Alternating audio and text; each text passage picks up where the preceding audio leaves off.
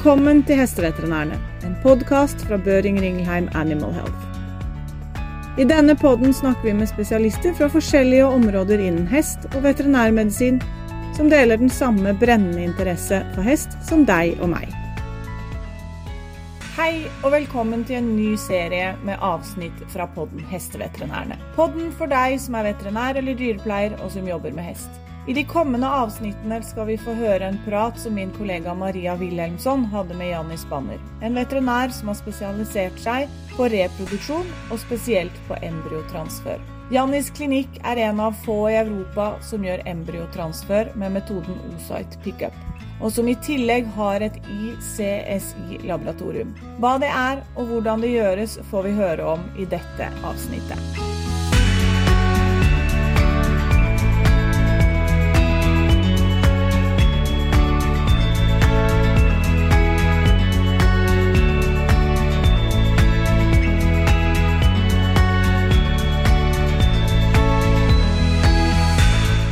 Jannie Spanner, welcome to the podcast. Thank you very much. Uh, can you tell us a little bit about yourself, your background with horses, and also as a vet? Yes, I'm uh, one of two owners of the company Vet Embryo, which is uh, in the south part of Denmark. Uh, my colleague Emil Ransen and I is running a ICSI laboratory and an OPU facility, so we are only working with the assisted reproduction. Um, I graduated back in uh, 2007, is it now? Um, and I went to Australia for the first year to do an internship at a um, clinic called Goulburn Valley Equine Hospital uh, outside Melbourne, where I work with a very famous uh, reproduction specialist, uh, Dr. McKinnon. And I got really interested in, in all kind of reproduction. Uh, so I stayed there for one year and then um, I started to work at the Højgaard Equine Hospital, which is a large referral hospital in the middle of Denmark. And I was working there for about 11 or 12 years. Um, it was mainly reproduction during the season, but there is always a winter season where there is not much reproduction. Uh, we did quite a lot of embryo flushing, and um, I just got a little bit bored during the winter, and I'm, I'm was so interested in in the reproduction part, so I decided to move on. Um, and now we're here uh, with this uh, ICSI laboratory in in Hellevad in, in Denmark. So uh, now I'm doing reproduction the whole year round, which is kind of a, a dream that us. Also in the winter. yes, also in the winter. Yeah. So, but you were always interested in reproduction, also during studies and so on, or Yes, I, have definitely been there. There, uh, when I was a student, I was, you know, uh, visiting actually Højgaard in my holidays and worked quite a lot with uh, Rikke Munk. She's a veterinarian at Højgaard Hospital, and she was very inspiring. And uh, this is nearly where I, you know, got the interest right from the beginning. So yeah, it has been a part of a big part of my life for for many years now. Sounds like it. And uh, so we're going to obviously talk about reproduction uh, and more specific embryo transfer today. Um, so, and we also, you said that you uh, were the only laboratory that uh, worked with your specific method. So, I'm going to ask you a bit to elaborate on that. But first, uh, for someone who, although maybe unlikely, but if there is someone who's listening who haven't heard about embryo transfer before, could you really short explain to us what is it and why and when would you do it? Mm. Yes, definitely. So I think it's really a important that you understand these words because embryo transfer is actually just the transfer of the embryo uh, from one mare to another. So what we're working with in our clinic is oocyte pickup, which means that we take the oocytes directly from the mare and all the fertilization process is done outside the mare. So it's done in a laboratory. Okay. Mm-hmm. Whereas if you do what we call embryo flushing, you inseminate the donor mare. So the actually fertilization is happening in inside the mare. And then you do the, your embryo flush, you flush the embryo out, and then you transfer it to, to a recipient mare. So it's really difficult, uh, very important to understand these uh, different definitions, and it can be a little bit confusing. Um, but that's basically what it's what it's all about. So we are only dealing with uh, OPU, oocyte pickup and ICSI, and of course the axial transfer of the ICSI embryos uh, at vet embryo. Okay, so yeah, because the the process that you refer to as embryo flushing, that would be the more common one, I guess. Yes, uh, that's a more common one and a much more simple procedure. Mm-hmm. Um, and it's it's still extremely useful for, for some mares, for some mares, and there are other mares where the oocyte pickup would uh, would actually be the best choice. So it really depends on on the mare you're working with. Okay, so so tell us a bit more about this the, oocyte pickup uh, and this intracytoplasmic sperm injection ICSI uh, that you're working with. Exactly how is it uh, performed? Yeah, so uh, normally the mares arrive in the morning. We have uh, room for around uh, 30 mares in our stable. So we have donor mares that is, is, staying at our facility for, for a longer period, for maybe one, two, three, or even more sessions. But normally we start in the morning and the mare arrives if, she's just there for the OPU session and then she goes home again. That's very typical for the sports horses. So she arrived, we sedate her, and put her into a stock, do a thorough cleaning. And what we actually do is that I'm the one doing the oocyte pickup. So I go through the rectum um, and then I fix the ovary inside uh, the mare. And then with the other hand, I grasp what we call um, our OPU guide and you have to imagine that inside this guide there is um, there is a microconvex probe. So this is the one connected to the ultrasound machine, and we also in the guide has a needle channel. So this guide we put that into the vagina. So we push that against the vaginal wall, and with my other hand in the rectum, I fix the ovary and press it against the you know the peritoneal side of the um, of, of, of the abdomen or of the vaginal wall. So we have to put them closely together.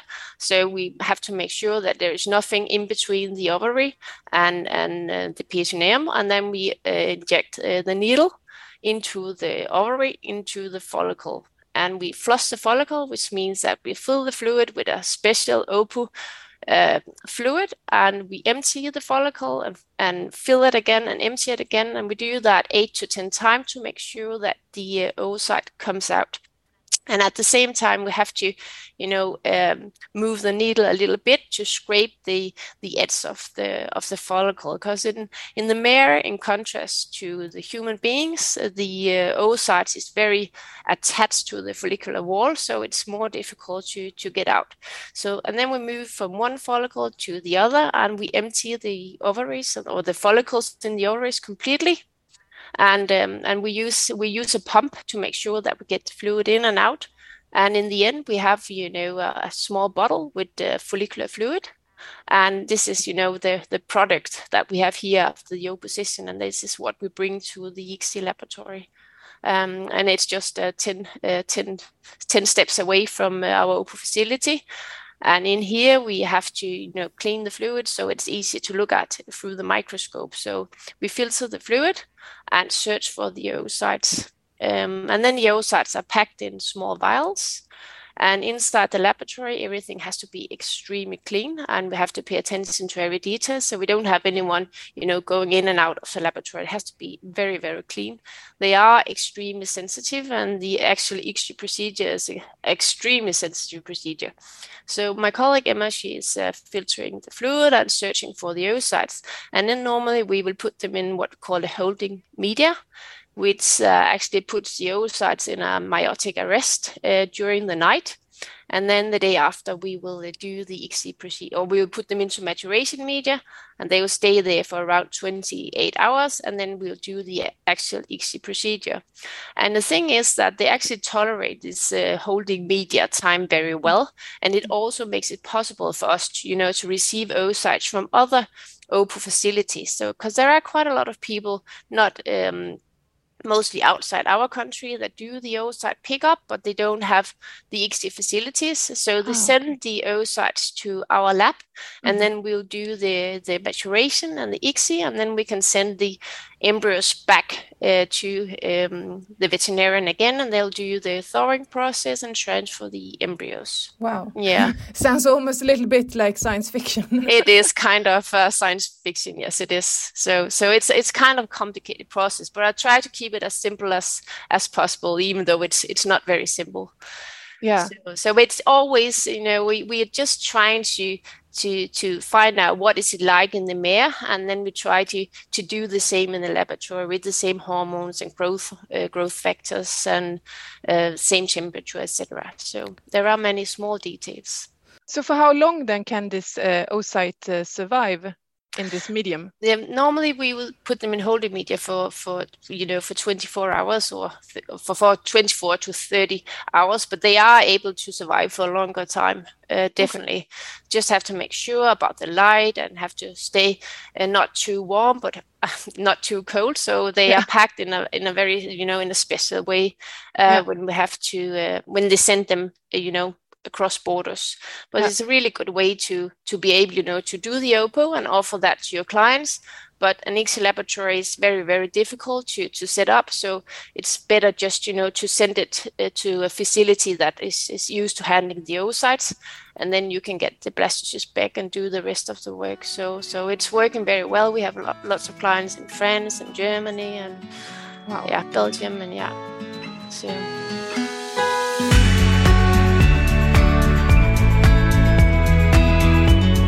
So the next step then is this uh, ICSI process. Yes. Um, and what happens here? Yeah, it's kind of uh, computer gaming, I would say. So we are we have the oocytes now; it's mature, and the first thing we do um, at the day of the ICSI that we have to do like a denudation, which mm-hmm. means that we have to remove the cumulus cells that are around the oocytes uh, to be able to inject the sperm cells. So we first of all we have to clean the semen. So the owner has to decide what semen do they want to use. And the advantage with this process is that we, we you know we most we use mostly frozen semen and we just cut a very very small bit like a corner of a chewing gum. It's a very small bit of the of the straw from most of the stallions, and then we are able to thaw them because we're only using one sperm cells. And as you know, there are millions of sperm cells in one straw, so it's not necessary to, to do a, a big cut there. Uh, and then uh, Emma, she is doing kind of, we call it a Tinder for semen. she had to sit with her eyes and choose the best sperm cell, the one you really believes is the best one. So we have a certain media which we put the uh, sperm cells into. It's called sperm catch that slows down the sperm cells so we are able to catch them. Otherwise, they swim way too fast for us to, to catch them. So she inject them up in um, in her, her ICSI needle.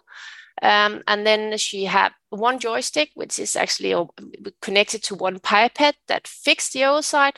And then she has another joystick that is um, actually connected to the ICSI pipette, where she has the sperm cells. And then she put the she fixed the oocytes and inject the uh, sperm cell into the uh, oocyte. And wow. that's that's it. And then we put the uh, fertilized oocytes into an incubator um, and hopefully we'll get a, a blastocyst after seven to, to 10 days. And so, we know that the quality of the um, of the you know the, the the blastocyst that develops fast are the ones with the best quality. So we want them to develop as fast as possible. Yeah. Okay. So so it really then what is sort of the limitation here is both the number of oocytes, I guess. Then if you only have like seven or eight, you only have seven or eight shots to and and even actually a bit less because it's not normally we would say that when we do the OPU around 60% of the follicles this is where we'll find the oocyte. So it's very dependent ah, on the size of the follicles so that's mm-hmm. why you know we always screen the mares. We want the mares to have lots of smaller follicles to be able to scrape the whole wall. Yeah. so that's one thing. And the other thing is that um, only or not only but around 60% of the of the oocytes do actually mature because you have to mm. imagine that when we're in the mare they are in different uh, states you know in mm. developmental states some of them are juvenile and we are not able to mature them in the laboratory and some of them will be immature and some of them will be more mature and some will be too mature or even dead yeah. so so it's not all of them that we are actually able to inject um, it will be around 60% but it, it differs a lot from one mare to another. Okay, mm -hmm. and then obviously the quality of the of the semen or that specific sperm cell will be sort of the process will be depending on this. But you know, when we are in the laboratory, we are able to do a lot more than we are uh, when, if we're just going to, you know, inseminate a certain amount of semen into the mare. So we are able yeah. to sort the semen uh, completely other way than than than we can when we inseminate in the mare. So normal insemination will just have a look at the semen, see how, how what does it look like, the morphology, the way it actually moves. But in a laboratory, we are able to sort the semen. We have a, like a, a special chip where we can actually clean the semen, and it actually um, you know, sort the semen. So we have the sperm cells with a with a low DNA fragmentation rate, and this is what we're aiming for. This is something that you can't see with your eyes, so you know, so we can do much more, and it also means that we are dealing with uh, some stallions with a very very low fertility, and some of them uh, is not able to produce pregnancies in, in real life. They're only able to produce pregnancies by by ICSI, um, and others, you know, are, are dead now. So we have only got a certain amount of, of frozen semen available. So it's really important that we take care of that and we only use as, as little as possible. Yeah. So, so there are quite a lot of, of advantages here. Yeah, wow. That's really fascinating. That must mean that you can also, it's not only when you have a really special mare that you want a foal from, it's maybe also when you have a stallion that you can't get a foal from in normal insemination. Yeah, we use actually semen from I think was 88 or something the other day, which is wow. kind of fascinating and frozen in a very like oldish way, and yeah, but it's still producing pregnancies. So, wow, yeah, yeah, that's fascinating. So, um, obviously, that's one of the um, pros uh, um, regarding uh, this process compared to other. But if you um, discuss it in general, what are the pros and cons with these methods that you use compared to the the embryo flushing? Mm, yeah. So if we look at both procedures, this procedure, oocyte pickup, is a more invasive procedure. It's not just a walk in the park. It has to be done by very experienced personnel because it's, you know, we're using a needle and we're putting it into the peritoneum and into the um, ovary. So it's, it's an invasive procedure. But um, whereas when you look at embryo flushing, it's it's what it's non-invasive. We're not using any needles. We're just inseminating the mares and flushing it through the cervix. So so that's the difference. What you can say is that when you do the embryo flushing, you have to do quite a lot of repeating ultrasound uh, examinations of the donor mares to make sure uh, when when is she in heat, has she ovulated, what does she look like after ovulation. So there are repeating sessions where we have to look at the mares and we have to put our arms in, in the rectum. And you know, each time we put the arm in the rectum, there's always a chance that something can go wrong, even though it's it's very low. So here the mare is sedated and she will be we'll be working with her for around 40 minutes and then she will be out in a stock. Um, you know, and and the complication rate in, in, in, in our hand is, is less than one or two percent and when I say complication, I mean that the mare will have a, a slightly fever the day after or be a slightly depressed for, for one or two days. So so we try to be extremely careful and, and, and, and this is, you know, we always have to talk about and have some ethical consideration and we definitely have that. We have a certain amount of sedation, you know, we, and we never, you know, go higher because, uh, you know, we want the mares to be absolutely fine afterwards, start eating in an hour or one and a half and can go home in, in, in, in two or three hours after the session and be completely fine the day after. It's really, really important. So there are mares that we say to the owner that we are not able to do her because you know she's she's feeling that we, that we are there, that we're using the needle, and this is definitely not the way it should be. And also, if we talk about compare, compare the younger and the older mares, with the young mares, it, it's difficult or it can be difficult to to move the ovaries around. You know, I have to be able to grab the ovary and put it against the the uh, the vaginal wall. And some of the young mares, and you know, it's it's really tight, and and you can't really do that without causing pain reaction. And no matter how much sedation you give them, in my opinion, they will still feel something. And so I always talk to the owner, say, yes, you're bringing a younger mare. I'm not sure I can do it, and and you ha- I'll just tell you that if if she's feeling anything, and I feel that I can't, you know, cover her her reaction, then I'll just put her out in the stock again. So I think it's it's really important that that we all remember that that it's uh, uh you know we're dealing with uh, live animals. So yeah, with with respect for that, there are many young mares that that tolerate this procedure completely fine, and otherwise embryo flushing is a very good uh, alternative. Okay. Mm. Yeah, we're going to talk a little bit about more about the mares in the next episode, but um, I'm uh, curious about the results for this um, process and also compared to the the ordinary embryo flushing uh, what is the success rate and what is considered a success? I think there are the, our first success is of course that we are actually producing an embryo or blastocyst. So um, but our main goal is to have a live foal the, yeah. the, the following year or whenever people want to transfer the embryo but uh, the blastocyst rate, um, it's around 60% of the sessions results in one or more blastocysts. And, uh, you know, we have uh, people have, actually, because sometimes there are mares actually give nine embryos in one session, which is kind of a lot.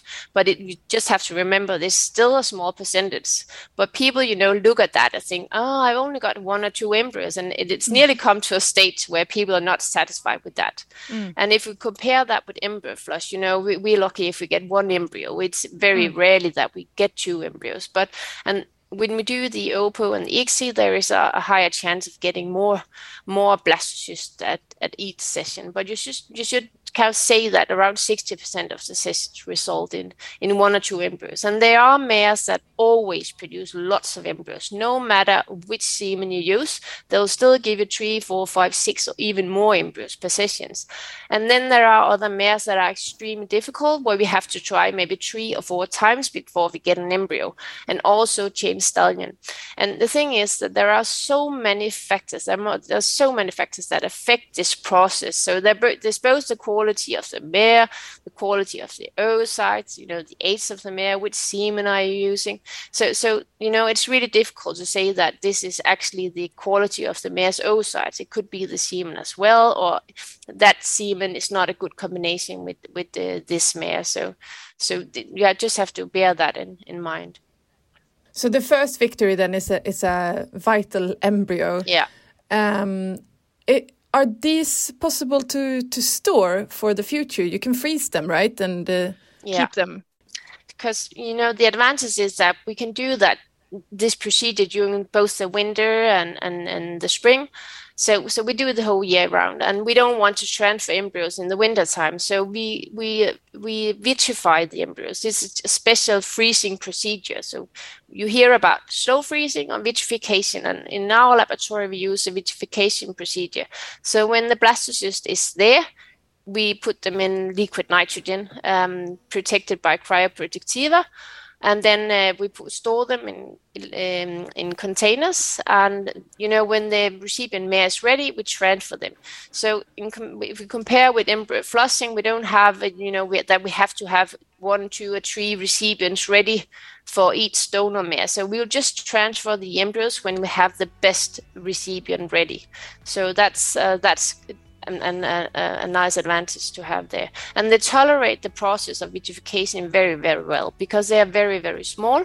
Um, and um, it, it's it's it's it's a very good way to store them. They can be stored for one, two, or ten years, or even more. Mm. Thank you so much for for telling us uh, all about these fascinating processes. It was really interesting to hear. In the next episode, we're going to be talking about a little bit more about the mares, both the the donors and the recipients. Uh, but thank you for now. Thank you.